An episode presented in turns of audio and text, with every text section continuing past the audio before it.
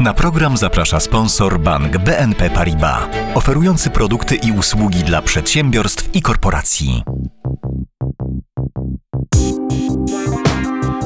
Puls biznesu do słuchania. Dzień dobry, Grzegorz Nowacki, zapraszam na Puls Biznesu do słuchania.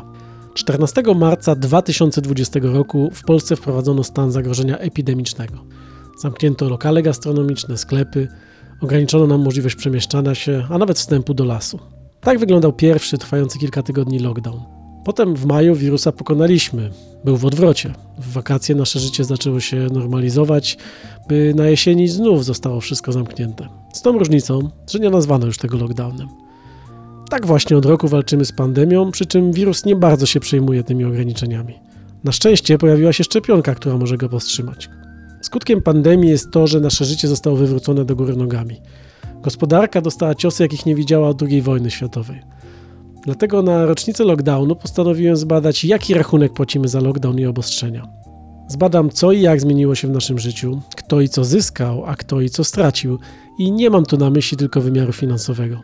Nie będę w tym odcinku zajmował się gastronomią, bo o niej bardzo dużo mówiliśmy w tym roku w Pulsie Biznesu do Słuchania. Sprawdzę za to, jak zmienił się sposób, w jaki się uczymy, jaki kupujemy, czy jaki płacimy. Nie zabraknie też rozmowy z lekarzem o tym, co wiemy o chorobie po roku pandemii i co zrobić, by nie zachorować. Każdego z moich gości będę też prosił o podzielenie się wnioskiem, jaki wyciągnął z tej rocznej pandemii. No to zapraszam na podsumowanie licznych lockdownów i obostrzeń w Pulsie Biznesu do słuchania.